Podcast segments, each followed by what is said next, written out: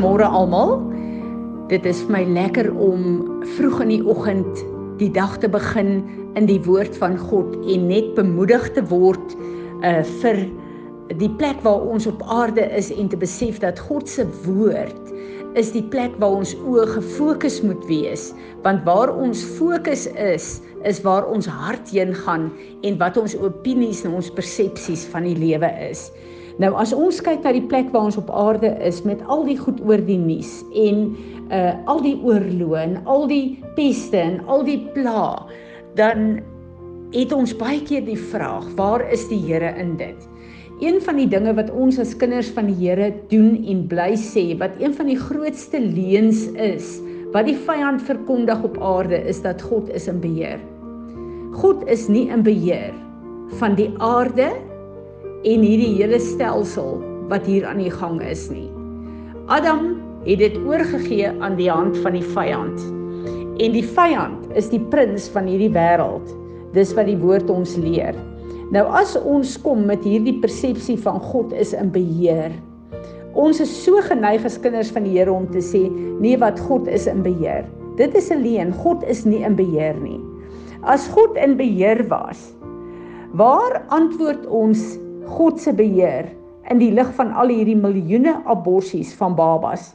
Hierdie oorloë, hierdie peste en hierdie pla, al die poverty wat daar is, al die goed wat aan die gang is in die wêreld. As ons sê God is in beheer, dan sê ons eintlik God het 'n gemors gemaak van hierdie hele aarde, want kyk hoe lyk dit op die aarde. Dit is nie God nie en dis nie God se beheer nie. Dit is onder beheer van die vyand wat die reg het omdat hierdie autoriteit vir hom gegee is deur Adam wat die autoriteit van God gekry het. Jesus het gesterf vir my en jou en deur die feit dat ek en jy hom aangeneem het as ons Heer en ons Meester, kan ek en jy nou wat beheer het oor onsself.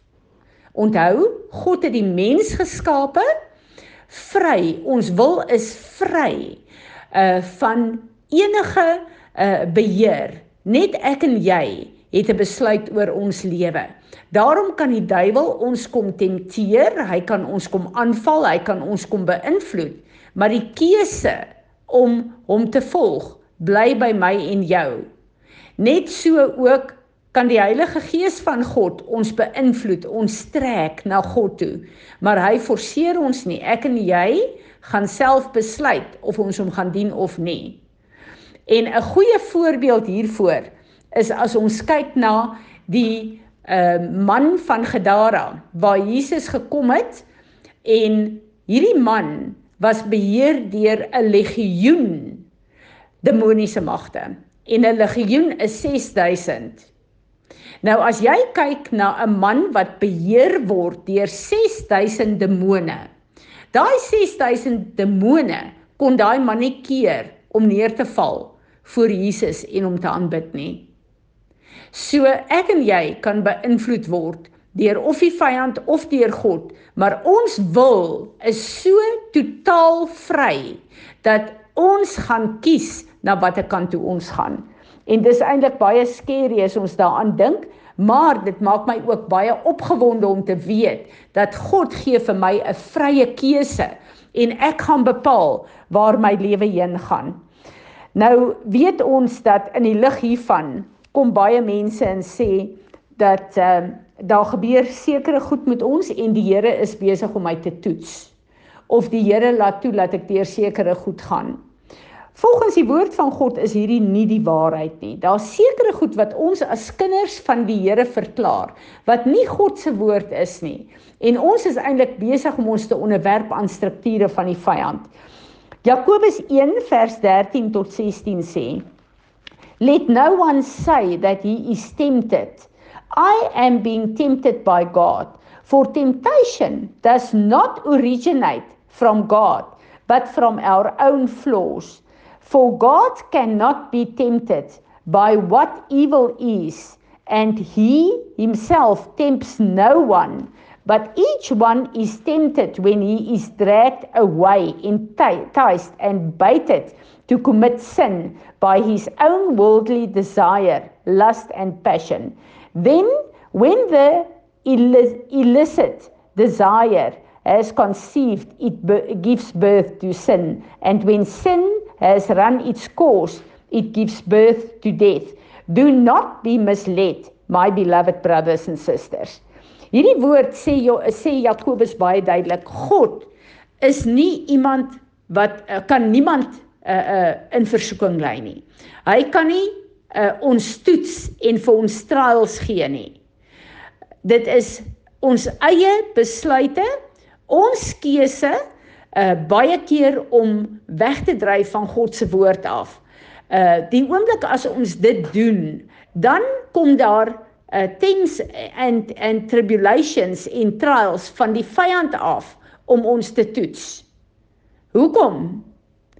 Want ek en jy moet met ons keuse en ons besluite die manier wat hierdie toetse na ons toe kom of ons gaan toegee daaraan gaan beteken dat die vyand se beheer oor my is sterker as God se beheer omdat ek dit toelaat. En die oomblik as ek en jy ons verwyder van God se woord af, dan is ons 'n oop teken vir die vyand om ons aan te val en ons verder weg te trek van God af. Ons moet besef dat die Here is nie in beheer van wat op die aarde aangaan nie. Maar die Here is in beheer van my en jou lewe as ons vir hom die beheer daarvan gee. Die keuse is myne. Maar ek en jy wat staan in God se beeld en gelykenis as wedergebore kinders van God, het die vermoë om God deur gebed terug te bring in elke situasie in ons lewe maar ook op aarde. Dit is hoekom Jesus die disippels geleer het om te bid en te sê: Soos wat dit in die hemel is, so laat dit ook op die aarde wees. Wat beteken dit? Dit beteken as ek en jy bid vir siekte, dan bid ons Here, daar is nie siekte in die hemel nie, maar ek word nou aangeval met siekte in my liggaam en ek kom nou en ek fokus op een op u woord waar Jesus op Golgotha siekte genees het. Kom trek ek die oorspronklike genesing van die hemel af in my liggaam in of in die persoon vir wie ek bid se liggaam in. En ek gebruik my autoriteit as 'n Jesus op aarde om die hele domein van die hemel terug te bring op aarde in my eie lewe of op elke plek waar God my toelaat om te bid. En as ek en jy dit verstaan, dan sal ons 'n verwagting en 'n afwagting hê om wat ons bid gaan realiseer. Hoekom? Want ek en jy verstaan en glo waaroor dit gaan.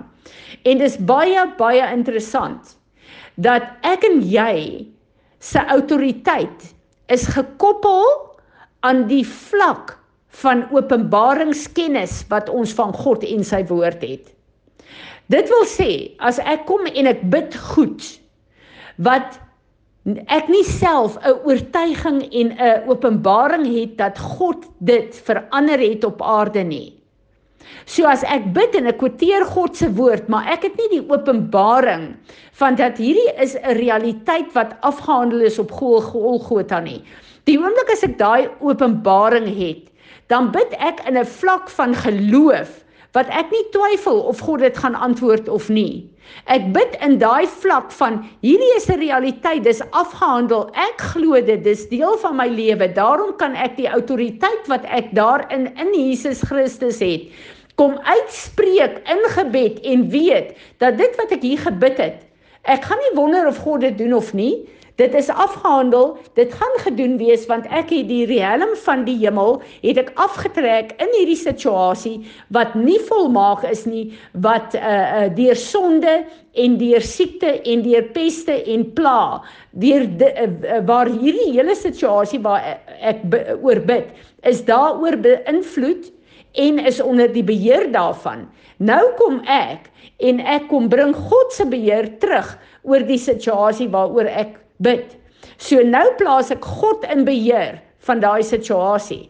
En as ek die openbaring daarvan het, dan weet ek hierdie is 'n realiteit. Dis nie 'n ek bid en kyk of God gaan antwoord nie. Hierdie is 'n realiteit en ek dink dis die vlak van geloof wat ons in gebed nodig het sodat ons weet soos in die hemel so ook op aarde en dat God inkom en sy beheer neem en waar God beheer het kom God se strukture en sy alignment in plek en dis letterlik soos in die begin van die skepping waar die Heilige Gees vaardig geraak het oor die chaos en God het gespreek en hy het sy domein teruggebring en alles het onder God se beheer herstel.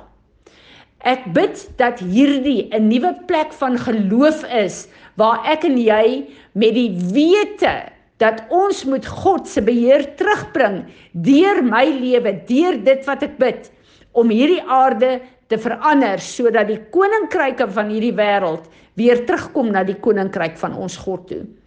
Piet bid vir ons asseblief dat die Here vir ons hierdie openbaring sal vasmaak en dat ons vanuit die autoriteit hiervan sal begin bid. Here, dankie dat U ons autoriteit kom herstel. Dankie dat U ons begin aanraak om ons autoriteit te groei in U.